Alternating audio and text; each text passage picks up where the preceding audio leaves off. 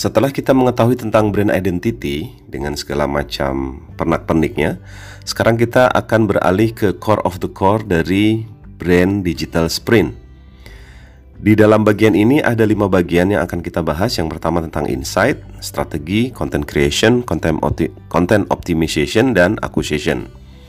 Di kanvas yang pertama ini kita akan belajar tentang lima hal yang akan kita pelajari bersama-sama. Yang pertama adalah always start with why. Kenapa kita melakukan membangun brand ini? Kenapa kita mempunyai alasan untuk membangun brand ini? Kita sebut dengan why. Biasanya di Y ini akan ada dua alasan. Yang pertama adalah revenue driven, yang kedua adalah purpose driven.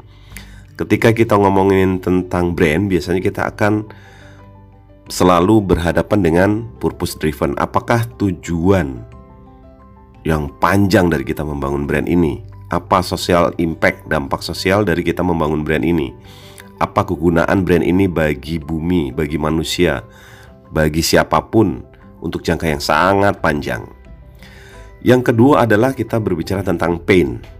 Apa masalah-masalah di masyarakat yang kita ingin perbaiki? Apa masalah-masalah yang ada di masyarakat yang kita akan beri solusi? Kita harus melisting apa saja pain yang ada di masyarakat. Selain pain, kita juga bisa mengadakan pendekatan dari sisi pleasure jadi mereka biasanya kurang senang dengan keadaan yang sekarang dan kita ingin menjadikannya sebuah pleasure.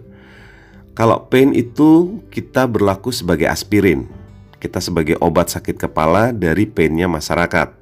Kalau pleasure, mereka biasanya sudah sehat dan kita berlaku sebagai vitamin. Berikutnya adalah kita mengen berbicara mengenai key stakeholder. Siapakah stakeholder-stakeholder kunci yang menjadi target market Biasanya stakeholder kita bagi jadi dua, yaitu stakeholder internal dan stakeholder eksternal. Key stakeholder internal biasanya adalah manajemen dan karyawan. Key stakeholder eksternal biasanya adalah pemangku kepentingan di government, community, dan juga target market. Setelah key stakeholder, itu yang ketiga. Yang keempat adalah unique selling proposition apa saja keunggulan-keunggulan produk kita, keunggulan-keunggulan dari brand kita yang secara fungsional itu kita bisa komunikasikan kepada target audiens kita atau kepada key stakeholder kita. Di dalam unique selling proposition itu biasanya ada hubungannya dengan 4P.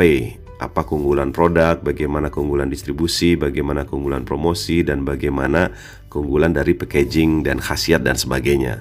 Dan yang kelima dari kanvas uh, core of the core ini adalah unique value proposition.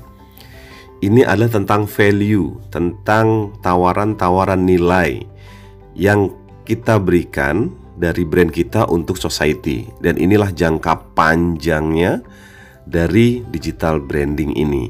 Jadi proses branding itu selalu ada hubungannya dengan value.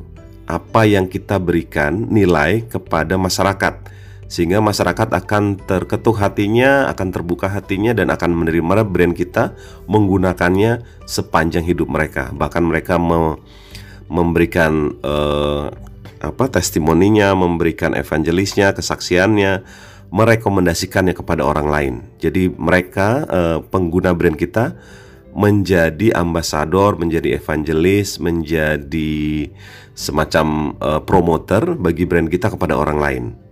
Demikianlah kanvas pertama yang dari core of the core dari digital branding sprint ini yang meliputi why, pain atau pleasure, key stakeholder, unique selling proposition, dan unique value proposition.